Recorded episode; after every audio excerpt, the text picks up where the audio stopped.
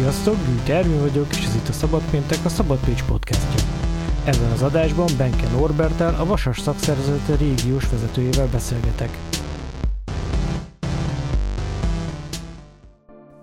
Kis túlzással a szakszervezeti tagság a munkavilágában olyan, mint a kaszkó biztosítás az autótulajdonosok számára.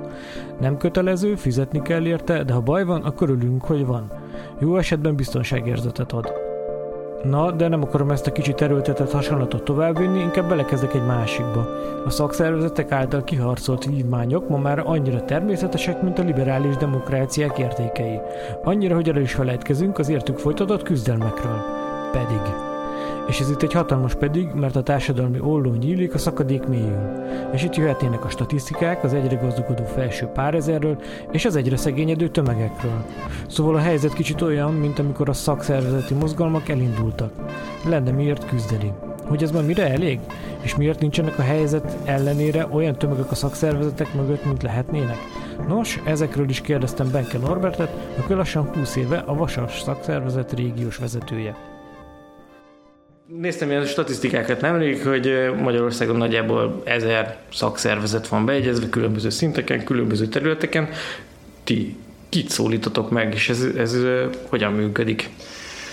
Na hát akkor kezdjük az elejéről. Tehát tulajdonképpen van most már öt konfederáció, uh-huh. előtte hat volt.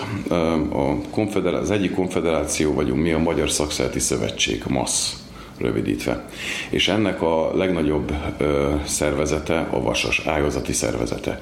Én a Vasas Szakszerti Szövetségnek vagyok a, a regionális ügyvívője, Baranya, Somogy, Tolna megyébe. Ö, olyan cégeknél vagyunk jelen, csak a nagyobbakat említsem, hogy például Hauni, vagy a Báder, vagy a Kaposvári Villamossági Gépgyár, vagy a, a Tabi Flextronics, tehát így a, a nagyok közül sok helyen. Elsősorban azokon a területeken vagyunk, ahol elektronika, a vasas munkák vannak. Tehát elektronikában például ilyen, ilyen volt a, a az Elkutek annak idején, vagy mit tudom, most a Tamási Philips és akkor vannak olyan területek, mint a Báder vagy a Hauni, ahol szakmunkák vannak, tehát igazi vasas részeknél vagyunk, és ott vagyunk még természetesen Dunai városban, meg hát egyébként a kohászatnál. Tehát, hogy ez a három nagy terület van a Vasasnál, amit mi lefedünk. Természetesen, ami a profilunkba beleillik, és akik megkeresnek minket, ugyanúgy szakszervezetet alakítunk, de természetesen, hogyha nem érik a profilunkba, tehát mondjuk tanárok keresnének meg minket, akkor egyenesen a PDS-hez vagy a PS-hez irányítjuk őket, tehát hogy mindig a szakértő szakszervezet legyen ott, és azt képviselje az embereket. Mit jelent az a jelenlét? Tehát, hogy ez kicsit így tisztázzuk, hogy mit csináltak egy, egy ilyen cégnél? Hát tulajdonképpen, mikor megvan alapítva a szakszervezet egy cégnél,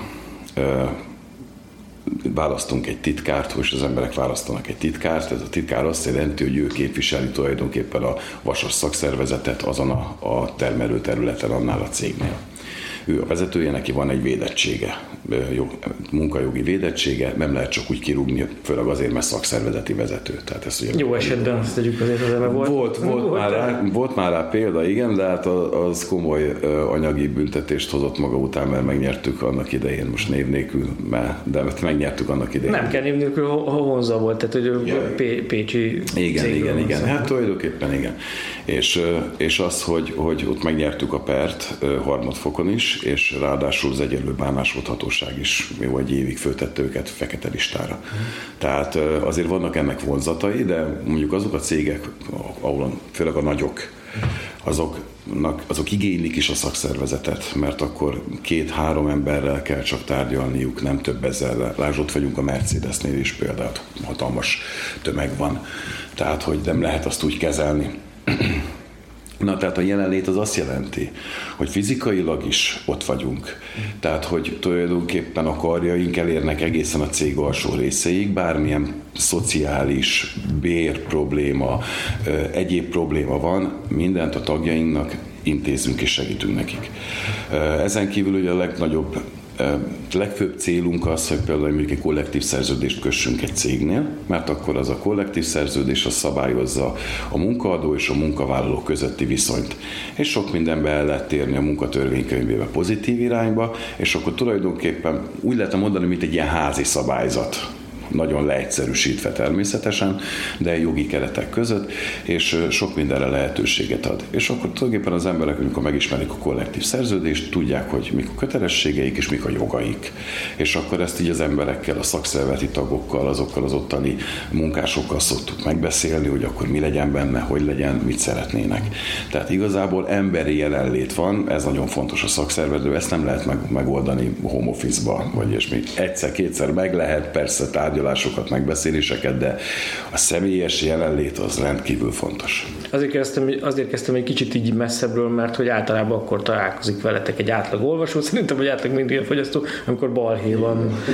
Tehát, hogy igen, mert az a transzparensebbik része, tehát amikor demonstrációkat csinálunk, útlezárásokat csinálunk, sztrájkokat csinálunk, akkor természetesen a média is jobban fölfigyel. Nem csak erről szól a szakszervezet. Tehát ez, ez a 10%-a talán a szakszervetnek, ez a, hogy mondjam, ez az, ami kim van a plakáton, ami megjelenik az újságba, a különböző médiákba, kevés olyan dolog jelenik meg a médiában, mivel az azért olyan nagy érdeklődésre nem tart igényt, bár van rá példa, amikor ugye a szürke munkásnapok vannak, amikor bértárgyalunk, amikor intézzük az embereknek a szociális dolgáit, munkaruhát, munkavédelmi dolgokat tárgyalunk, vagy hogy mit tudom én, akár segítünk cégnek, cégvezetésnek abba, hogy, hogy hogyan tud esetleg fennmaradni, vagy hogyan lenne jobb, mert Azért óriási különbség van a régi szakszervezet és a mostani között, mert ö, mi úgy vagyunk vele, hogy minél jobban megy, a cégnek nekünk is annál jobb. Az érdekünk nekünk is az, hogy a cég az jó prosperáljon, de természetesen az emberek is ö, kapjanak ebből juttatást, érzékeljék azt, hogy, hogy ö, amiért megdolgoztak, azt a pluszt megkapják ők is, és nekünk az a dolgunk, hogy egyfajta egyensúlyt teremtsünk a munkaadó és a munkavállalói részek között. Visszatérve egy kicsit erre a balhés részre, hogy most már gyakorlatilag majdnem, mikor is 2018 decemberében lett elfogadva az a az új törvény, vagyis hát most már nem új törvény, ami a, amit rabszolgatörvénynek hiszek. Hogy érzed? Ennyi idő tehát így van, van értelme újra értelmezni azt, ami, amit akkor mondtatok róla? Vagy, vagy ezeket nem, ez egy kicsit ambivalens dolog, tehát 2018. decemberében voltak az első tüntetések. Itt kezdődött el Pécsen, itt, itt csináltuk meg az első félpályás lezárást, akkor az csak egy ilyen figyelmeztetés volt itt a, a nyugati elkerülőnél érdekes fejlemény volt, vagy visszahatás volt belőle, mert amikor az újságírók volt, aki végigment az autósok között, és nagyon sokan álltak sorba, és végigment az autósok között, és megkérdezte azt, hogy mi a véleményük róla, az autósnak a 90% azt mondta, hogy igazunk van, igazunk van. Nem mindenki örült neki, hogy most elkéssük a munkából aznap, vagy, vagy otthonról, de azt mondták, hogy megértik, és igazunk van. Mm. Tehát, hogy ez egy nagyon jó visszajelzés volt, hogy jó úton haladunk. Pécsen volt a legnagyobb tüntetés 2019. januárjában, soha nem felejtem el, mert teljesen megfagytam, ráadásul az autómban se volt fűtés, úgyhogy hát, mint a régi ö, ö, üzenet alapján, hogy át kellett szállni egy másik autóba, egy kicsit melegedjen az ember.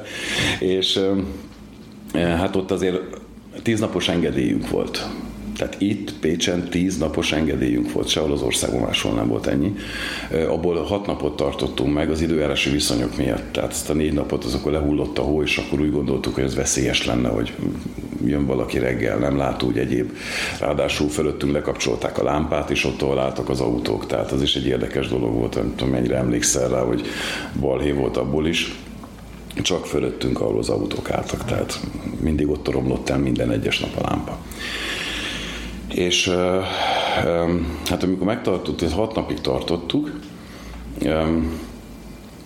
tényleg megüzentük, hogy megállítjuk a félországot. És tulajdonképpen megállítottuk a félországot. És ennek a Vasas szakszervezet volt a legnagyobb motorja. A magyar, természetesen a Magyar Szakszereti Szövetség többi ö, ö, szakszervezet is ugyanúgy csatlakozott hozzánk, rengeteg civil csatlakozott hozzánk. Volt olyan buszsofőr, aki azt mondta, hogy korábban bejött, beállt az autójával, a sorba, és amikor kellett neki menni reggel dolgozni, akkor elment, ugye beszállt a buszba, és visszafele megdudált nekünk, hogy hajrá, folytassátok tovább. Tehát a szolidaritás volt a lényeg annak, hogy éreztük azt, hogy összefognak az emberek. És ennek az egész szakszervezeti mozgalomnak a lényege az a szolidaritás, hogy együtt, egymásért segítsük egymást.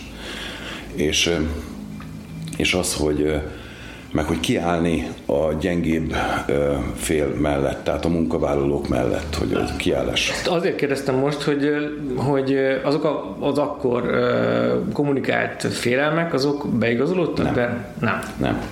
Nem, tehát igazából én, on, mi annak tulajdonítjuk, tehát az egész Magyar Szakszeti Szövetség, hogy egy akkora megmozdulást, országos megmozdulást csináltunk, hogy a cégek, azok mindegyik azért azt mondta, hogy hát um, inkább nem, inkább nem megyünk bele. Nem beszélve arról, hogy a, főleg a nagy cégeknél azért egy három éves munkaidőkeret óriási adminisztrációt okoz. Tehát az, hogy három éven keresztül valakinek minden nap a túlóráját ö, elszámolni, hogy mikor van otthon, mikor nincs, ö, rengeteg ö, adatvesztés van három év alatt, rengeteg olyan probléma van, hogy valaki írja, hogy igen, itt voltam, a csekkolások ott vannak, hogy bement a gyárba, de a gyárnál mit tudom tudom én esetleg elcsúszik, és azt mondja, hogy te három év után járat valaki, úgyhogy te még tartozol nekem x hónappal, és jönnöd kell dolgozni, de az is lehet, hogy nagyon sok pénzt ki kell nekik fizetni. Nem nagyon járató út, nagyon nehéz. Na most érdekes csavar jött, különben egy évre a rabszolgatörvényre, hogy itt, itt Pécsen csináltuk meg a legnagyobbat, és hát itt mutatja azt, hogy a szakszervezet azért más, mint régen. Tehát, hogy a, akkor még Hauni volt a gyár, most már Körber, nagyon-nagyon régi kapcsolatunk van velük. Tehát annyira komoly szakmai kapcsolatunk van velük, hogy ők, amikor megkerestek minket, és ők mondták, hogy hát akkor beszélgessünk erről, mert náluk óriási probléma alakult annó ki. Azt mondták, hogy be kéne vezetniük nekik ezt a három éves keretet, amit ők nem kívánnak három évig csinálni, de most muszáj bevezetni, mivel hogy erre van lehetőség, vagy egy év, vagy három év legalábbis akkor még ez volt, hogy egy vagy három, be kell vezetniük, mert egyébként akkor nem látták még a, a, a, hát a jövőt, pontosan akkor volt az átalakulás, és azt mondták, hogy különben el kéne küldeniük 500 embert. És amikor majd bejön nekik újra a, a piaci dolgok, a megrendelések, egyéb dolgok, akkor vissza kéne venni 500 embert, szintén, sőt még többet, de akkor meg honnan, ha már egyszer elmennek az emberek. És az nagyon jó tudjuk, hogy azért a, a körbernél, hogyha valaki ott van évekig, olyan magas szakmai színvonalon tud dolgozni, hogy a világon bárhol ezzel a papírral le tud helyezkedni. Tehát igazából a körber tényleg vigyáz azokra az emberekre, akik ott dolgoznak, mert nagyon komolyan képzett szakemberek. Na most tehát érdekes fricska volt, hogy pont Pécsen volt a legnagyobb tüntetés, pont Pécsen volt a legnagyobb megmozdulás, két demonstráció, hatnapos félpályás lezárások két helyen, és mégis itt történt az meg, hogy azt mondtuk, hogy de ez a tipikusan egyszer volt Budán kutyavásár. Tehát annyira komoly megbeszélés, a Vasas elnöke, alelnökei voltak jelen a megbeszélésen. Nagyon komolyan le lett fektetve, le lett írva, hogyan, miként megy, micsoda, milyen jutatásokat kapnak pluszba az emberek. Tehát igazából az embereknek azért lett pluszba így anyagilag is, meg egyéb módon is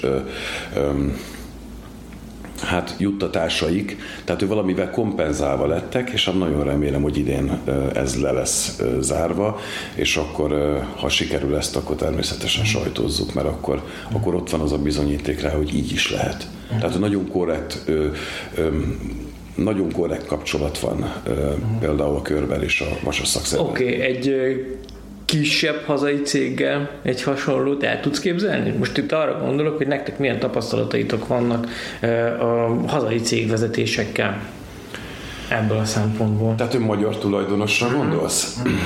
Hát, nem volt rá még úgy példa. Tehát itt is tulajdonképpen a Körbernél a magyar vezetőkkel tárgyaltunk, és ő, tehát az ő szavuk volt adott. Uh-huh és a, és a hogy mondjam, az adott szó náluk az tényleg adott szó. azért mondtam, hogy egyszer volt Budán kutyavásár, mert azért a többi, főleg kisebb cégeknél nem nagyon tudnám elképzelni. Tehát van egy-két olyan cég, akire, hogyha megnézzük a gazdasági dolgait, és oda, mert tényleg oda tettek minden papírt, láttuk azt, hogy mi a helyzet, láttuk azt, hogy, hogy muszáj rugalmasnak lenni, mert akkor megmarad az embereknek a munkája. Egyébként az, az 500 ember is, tehát azok az emberek, akik otthon maradtak, nem jártak rosszul. Nem jártak rosszul. És úgy gondolom, hogy nekünk figyelni kell arra is. Tehát nem csak, nem csak egy idea vagyunk, hogy szakszervezetként hú, aki mondtunk valamit, akkor annak úgy kell lennie.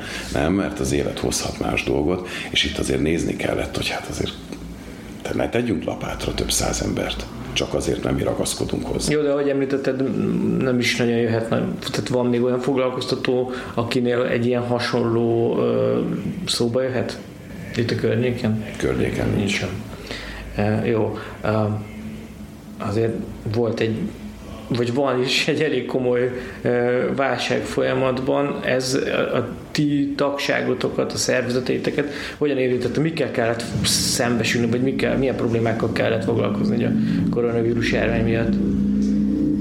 Hát ez a, és az a helyzet, hogy, hogy a mi területünkön akár az elektronika, akár a vasas részen, akár a kóhászat részen.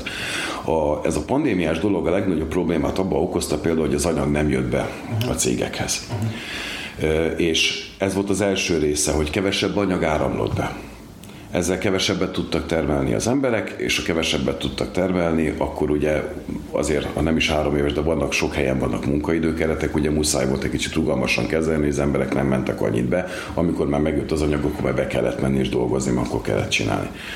Másik része az, az, az volt, hogy bár a mi területünkön nem volt jellemző, tehát a magot általában meghagyták, azok, akik ott dolgoznak cégeknél, ahol kölcsönzöttek vannak, ott a kölcsönzötteknél többször volt olyan, hogy azt mondták, hogy most nem kell jönni és akkor majd egy hónap múlva, két hónap múlva szóltak neki.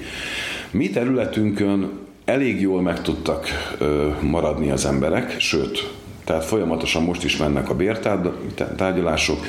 A régióba a 4,5 és a 9,5 százalék közötti béreket tudtuk ö, tartani. E között van szórás a különböző cégeknél. Ez múlik azon, hogy milyen a hozzáadott értékük, ö, mennyi a, a jövedelmük, és hogy milyen a piaci viszonyaik. De, de úgy gondolom, hogy persze mindig lehetne többet, de, de az emberek visszajelzéseiből azt láttuk, hogy azon a helyen, ahol lett béremelés, ott sok helyen például arra is gondoltuk, hogy talán nem is lesz és mégis lett. Jó, e- ez az egyik aspektusa, de mondjuk ilyen egészségvédelmi szempontból, tehát ugye nem tudom, olvastam olyan cikket, az, ebben a szektorban, vagy ebben az ágazatban, vagy ezekben az ágazatokban, amikben ti tevékenyek vagytok, nem nagyon működik az otthoni munkavégzés, tehát, hogy hát igen, ebb, ebből, ebből kifolyólag nem volt probléma? Tehát munkavállaló védőeszköz hiány, ilyesmi, tehát ezekben nem volt probléma. Nagyon-nagyon sok cég nagyon hamar reagált. Reagált. Tehát nagyon hamar reagált. Itt egyszerűen józan paraszt észről van szó az a cégvezetés azt mondta, hogy minden dolgot megtesz azért, hogy az emberek tudjanak dolgozni.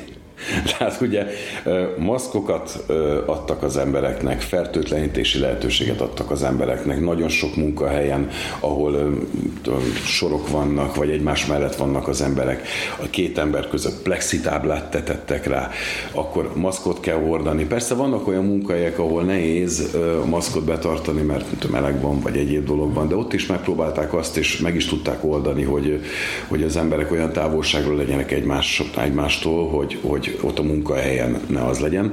Egyébként különben még az is meg lett oldva a munkahelyeken, és ez, ez ahol legalábbis a mi területünkön, ahol szakszervezet van, ott azért erre figyelünk, hogy vannak olyan belső szabályzatok a munkahelyeken, hogy valaki mondjuk pozitív lesz, lehet, hogy nincs különösebb tünete, de pozitív lesz, esetleg lázas, vagy ilyesmi. Minden héten szoktak csinálni teszteket. Vannak olyan munkahely, minden héten csinálnak tesztet az embereknél.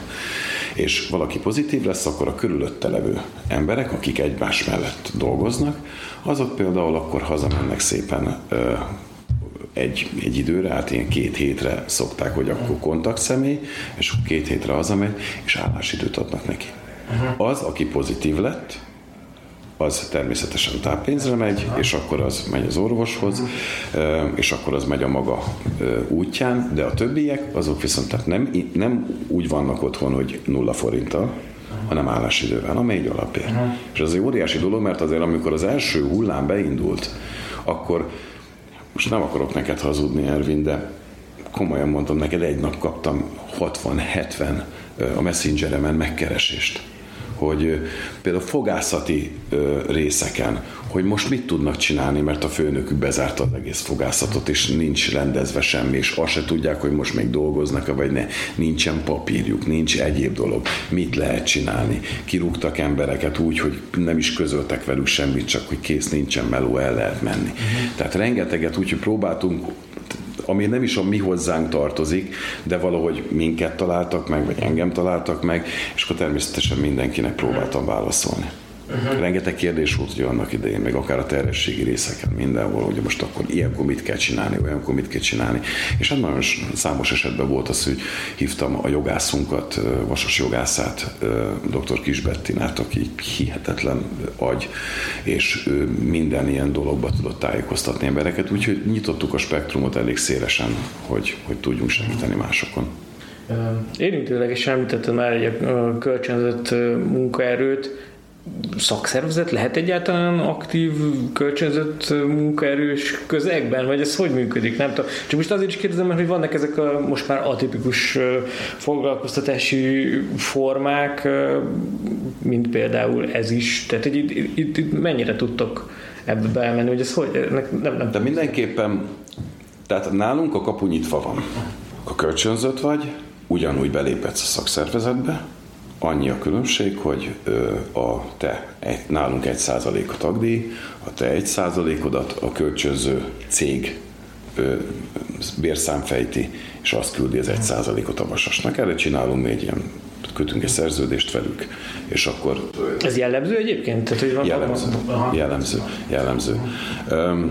De tehát csak az, ez, ez, jó hír nektek azért, tehát hogy ez így működhet, mert csak azért is, mert egyrészt a, mert hogy sokan vannak most már így, akik így vannak foglalkoztatva, másrészt meg akkor ezek szerint nem kell olyan eszközöktől lemondani, amik korábban a, a szakszervezetnek, vagy ami, ami, amik vannak így az érdekérvényesítés, e, tehát lehetővé teszi az érdekérvényesítés, nem? Tehát, hogy őket is be tudjátok vonni mondjuk egy, egy, egy sztrájkba?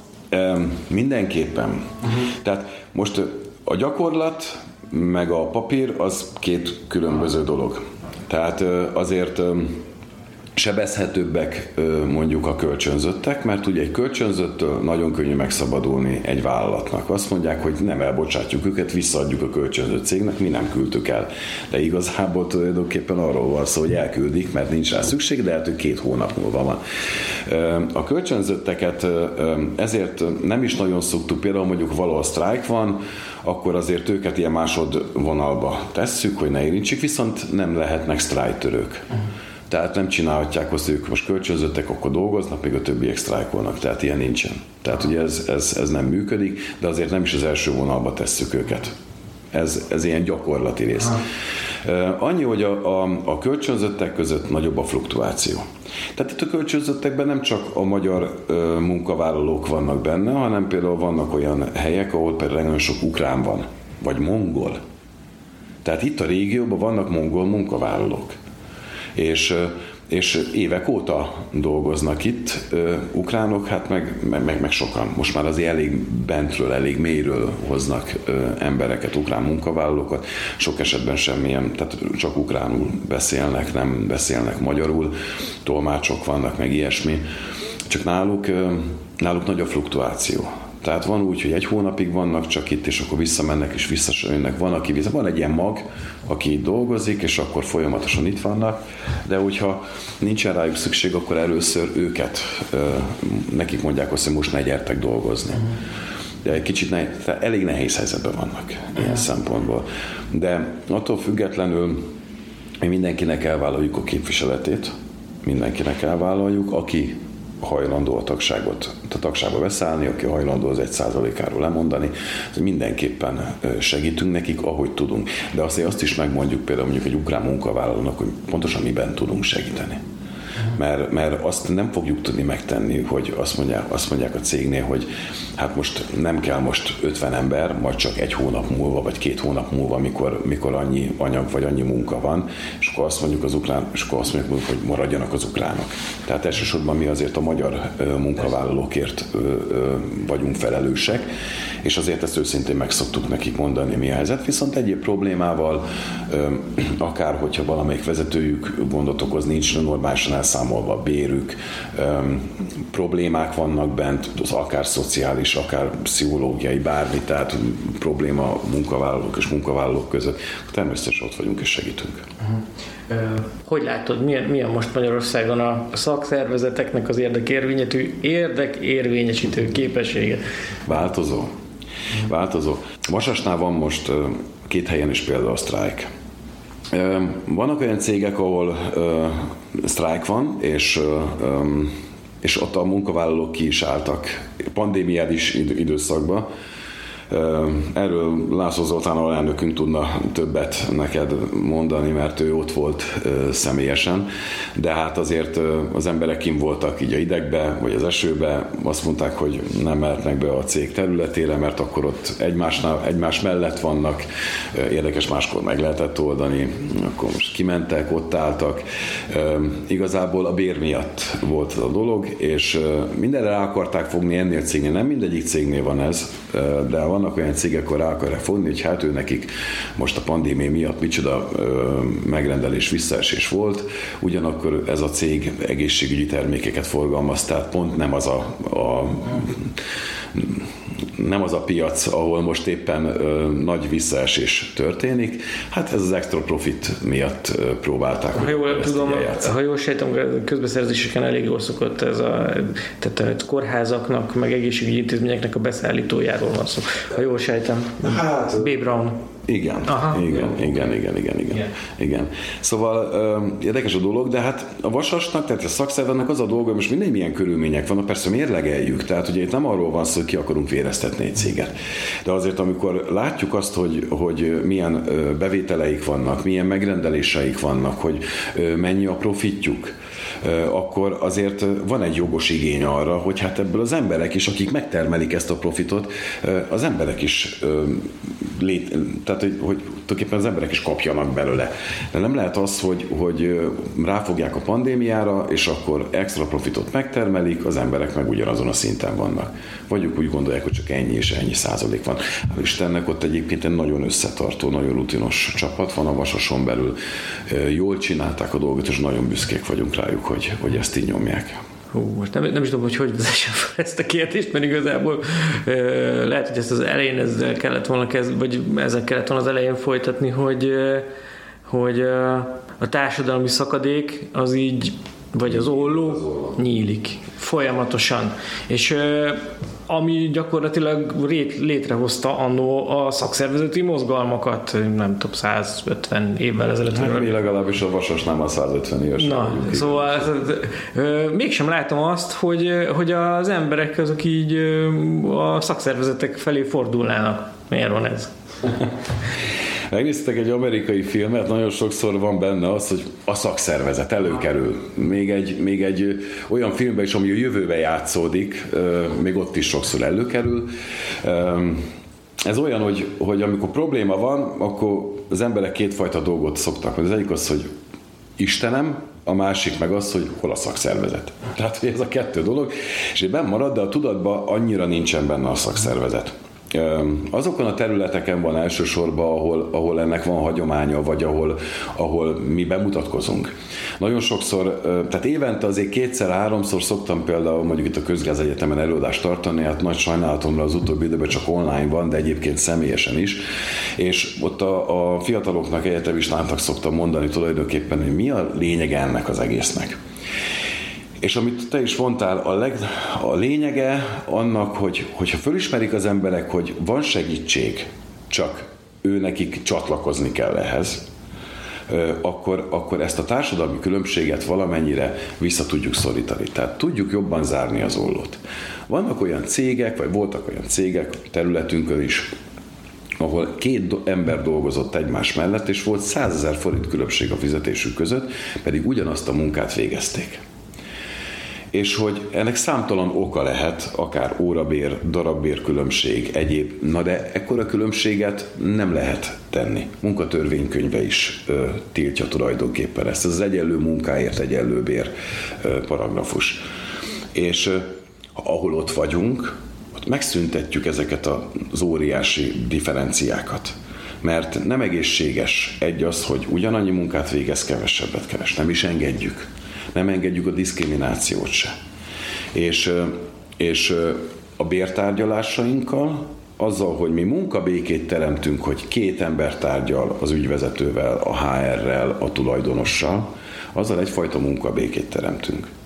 És természetesen, hogyha a tulajdonos vagy a, vagy a vezetés nem megy ebbe bele, akkor ugye nekünk is vannak eszközeink, akár a sztrájk, akár a figyelmeztető szájk, akár a demonstráció, aláírásgyűjtést csinálunk, hogy mit tudom én, na mit tennétek meg azért, hogy akkor több legyen a bér, vagy megkapjátok a járandóságotokat, és akkor általában azért a cégvezetés így visszaszokott lépni, és azt, jó, akkor üljünk letárgyalni. Tehát, hogy azért ezt a szakadékot valamennyire tudjuk csökkenteni. Egy viszont biztos, hogy ez tendencia. Tehát azért évek óta tendencia, hogy iszonyatosan nyílik az óló gazdag, nagyon-nagyon gazdag lesz már. A szegény meg egyre szegényebb lesz. Tehát ebben a pandémiás időszakban például szakszervezetként csináltunk, mert voltak olyan cégek, a cégnél szakszervezetek, hogy a cég, mit tudom én, mondjuk kimustrálta idézőesen régebbi, régebbi gépeit. Itt két-három-négy évente van egy rotáció, számítógépeket, ilyesmiket leselejteznek, és akkor hoznak újakat. És volt, hogy megkapta például a szakszervezet, és kiosztották azokra a helyekre, ahol például tudjuk azt, hogy kettő-három gyerek van, nincs csak egy számítógép vagy egy kis telefon, és telefonon próbál tanulni a kisfiú vagy a kislány, és mi ezt célzottan odaadtuk nekik ingyen és bérmentve. Hogy tessék, itt van, használjátok. Tehát, hogy próbálunk segíteni az embereket, látjuk, ismerjük a gondjaikat, ott vagyunk közelbe, a titkároknak és az ottani bizalmiaknak egy munkahelyen az a legnagy, legfőbb dolguk, hogy az emberekkel beszélgessenek, hogy tudják, hogy mi a gond. Uh-huh. Tehát volt olyan, hogy valakinek leégett a háza teteje, és a vasas összedobott rá pénzt, hogy segítsünk nekik, mert nem volt biztosítás, és tagjaink voltak. Volt olyan, hogy hogy sok helyen, nagyon sok helyen van az, hogy mondjuk hónap közepén vagy végén beduglik egy mosógép és nem tudnak, tehát nincs 70 ezer forint arra, hogy elmenjenek és vegyenek akkor egy új mosógépet 22-én szerdán például, és akkor az van, hogy akkor a vasas segít. Vannak lehetőségek, akár segít adunk neki, egyéb hozzájárulunk ahhoz, hogy ezt képes legyen megvenni. Tehát ez is feladatunk az emberi részét domborítani. Az emberi részét. A pandémia nagyon-nagyon sok ilyen problémát előhozott. Volt olyan, ahol, ahol mobil internetet vittünk, mert nem volt internet. A faluban egyáltalán nem volt internet. Ja, és akkor a vezetékes internetet támogatták, ha jól emlékszem. Igen, igen, és utána kezdte el a igen. nagy cég, hogy akkor ezeket igen. akkor elkezdni nyomni.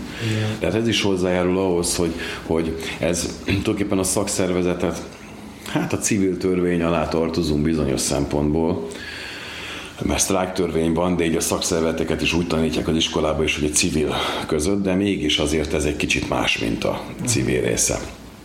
De nekünk nagyon nagy feladatunk az is, hogy megismertessük az emberekkel azokat a problémákat, hogy nézzétek meg, ott mellettetek nem messze lehet, hogy abba a lépcsőházba micsoda nyomor van, Istenem látod.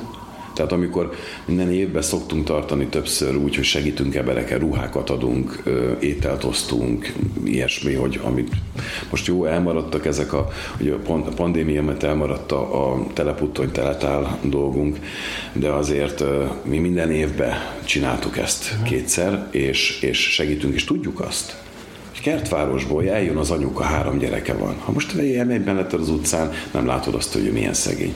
De ha hazamegy, akkor a hűtő üres. Hogy a gyerekeknek nincsenek játékok. És akkor mi szoktuk azt, hogy akkor így célzottan, hogy össze, na, akkor itt van, tessék, karácsonyi, jött a télapó, vagy jön a Jézuska, uh-huh. és hogy, hogy, hogy itt van akkor ez a játék, az étel, stb. És mi kifizeti a villanyszámlát, meg kifizeti esetleg a lakásszámlát, de másra már nem nagyon marad. Uh-huh. Tehát vannak olyan családok 2021-ben, aki a hónap 30 napjából 20-at zsíros kenyeret eszik. És úgy rájutottunk idáig, és azért itt gondolkodik el az ember arra, hogy azért a mindenkori kormányzatnak azért nagy felelőssége lenne abban, hogy ne az legyen majd mindenki annyit ér, amennyit keres. Mert egyáltalán nem biztos, hogy annyit ér.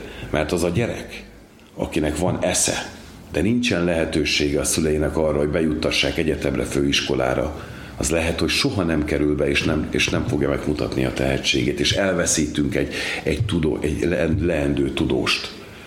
A Mellár Tamás annak idején ugyanígy került be, hogy egy kis faluból került be, és akkor volt lehetőség arra, hogy ő tanuljon, és a tudásával tovább jutott. És most látjuk azt, hogy ő azért micsoda közgáz professzor lett.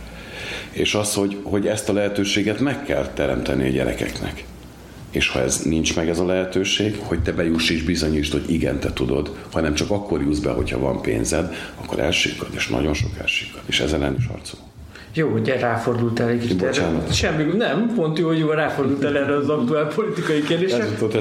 Mert hogy, mert hogy most láttam Facebookon, hogy a Mindenki Pécsért Egyesület, meg hát akkor Mellár Tamás, aki szintén Mindenki Pécsért Egyesület alapító, hogy te is tag vagy, ez már egy egy lépéssel közelebb a politikához, az azt jelenti, nem? Tehát, hogy ez mégiscsak egy ö, olyan szervezetről van szó, és most itt a, tehát, ö, egy olyan egyesületről van szó, ami a városvezetést adja, illetve hát az ő, ennek a szervezetnek a jelölésével kerültek a képviselők a városvezetői pozíciókba nem problémás ez szakszervezetisként, hogy ez, mondom, ez, ez egy lépésre közelebb van, és akkor, hogy ez nem problémás, ez a két kérdés, nem. hogy egyrészt nem problémás, másrészt pedig, hogy miért?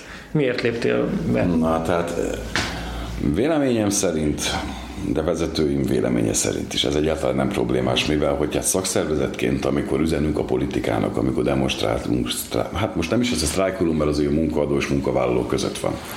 De például, amikor ezeket a nagy demonstrációkat tartjuk, hát óvatatlanul benne van a politikát, mi reagálunk, ja, persze, csak... reagálunk arra. Jó. A Mindenki Pécsért Egyesület egy egyesület. Tehát nem párt, hanem egyesület és mi egyesület vagy szakszervezet, azért sok átjárás van. Rengeteg olyan ö, ö, közös projektünk, munkánk volt eddig a Mindenki Pécsért és nem lett megnevezve, de hát közösen dolgoztunk. Hát akár a, a hatnapos félpályás lezárásnál, és ugyanúgy a Mindenki Pécsért Egyesületben, akár ott, a Mellár Tamás, mások is támogattak minket, ott voltak akár a háttérből, akár személyesen. Tehát, hogy számtalan úton van össze rengeteg szálat össze lehet így kötni. Tehát mi dolgozunk, és egy egyesület, meg szakszervezet nagyon szépen megfér egymás mellett, és én pont így a, benne vagyok mind a kettőbe.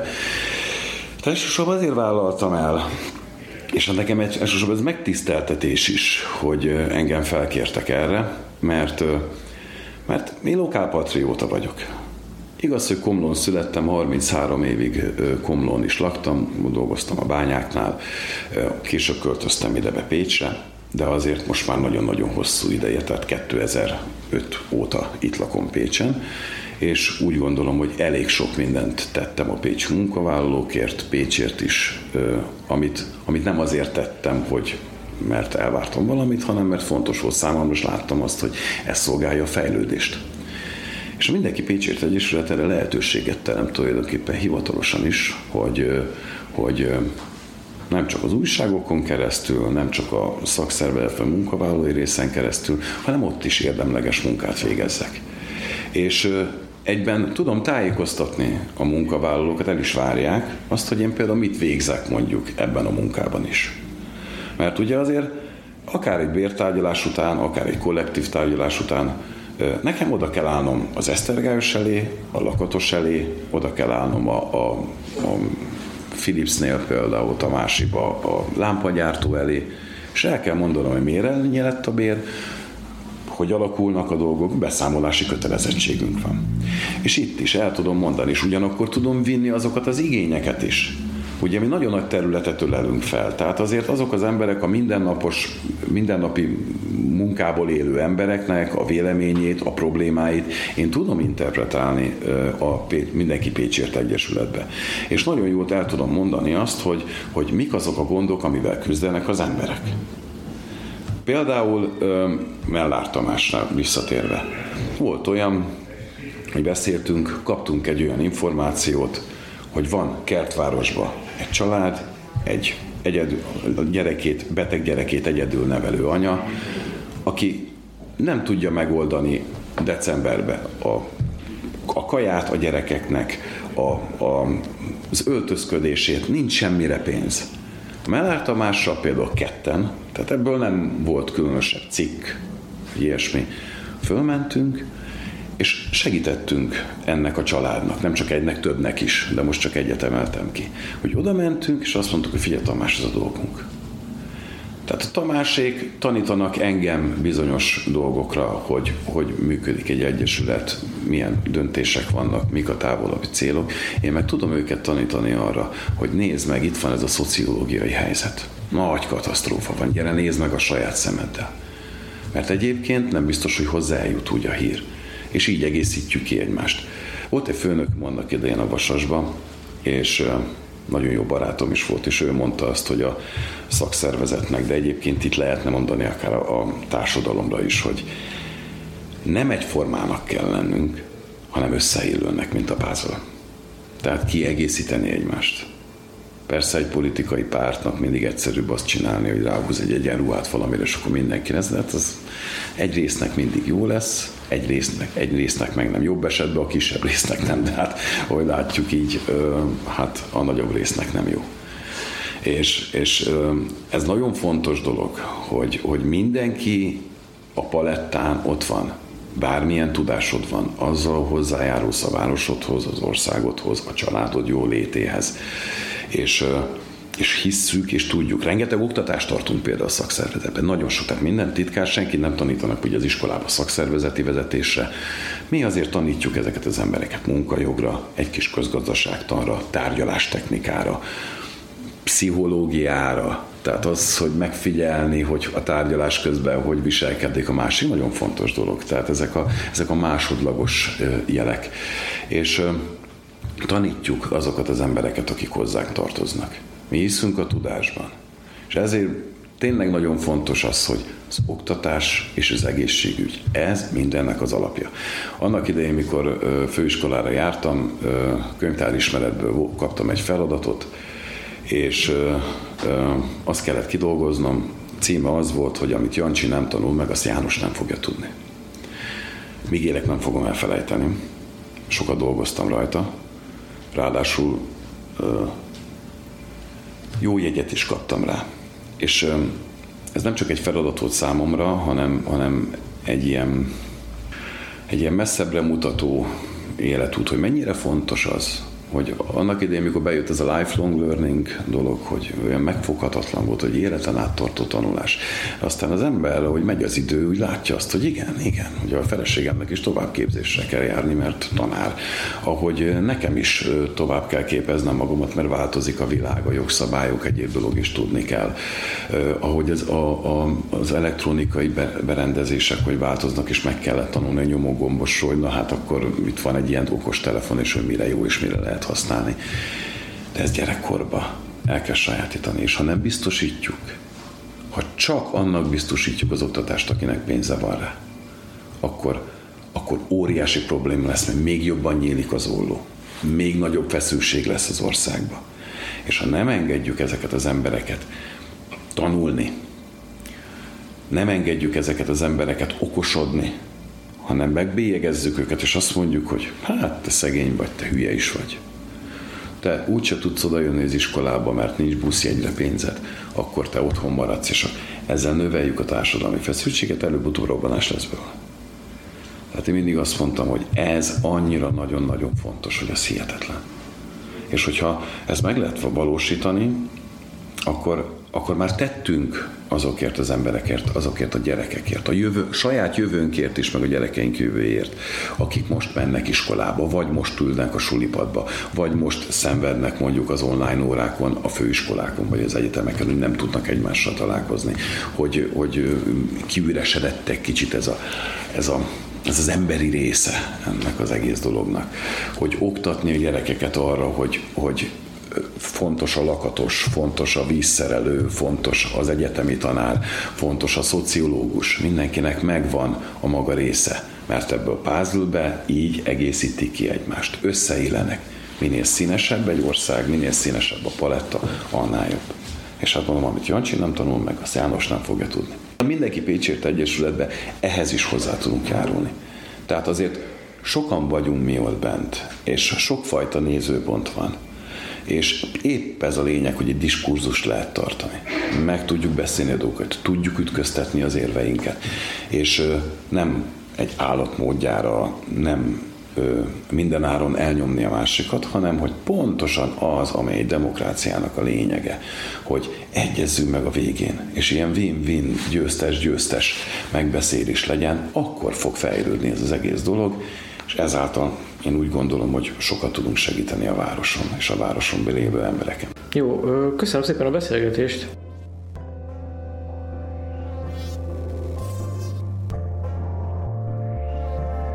Ez volt a Szabad Péntek harmadik évadának nyolcadik adása. Ha tetszett, akkor kövess minket Spotify-on, Apple és Google Podcast-en, vagy éppen YouTube-on. Ha kérdésed, észrevételed van a műsorral kapcsolatban, akkor ír nekünk a szabadpécs.hu címre.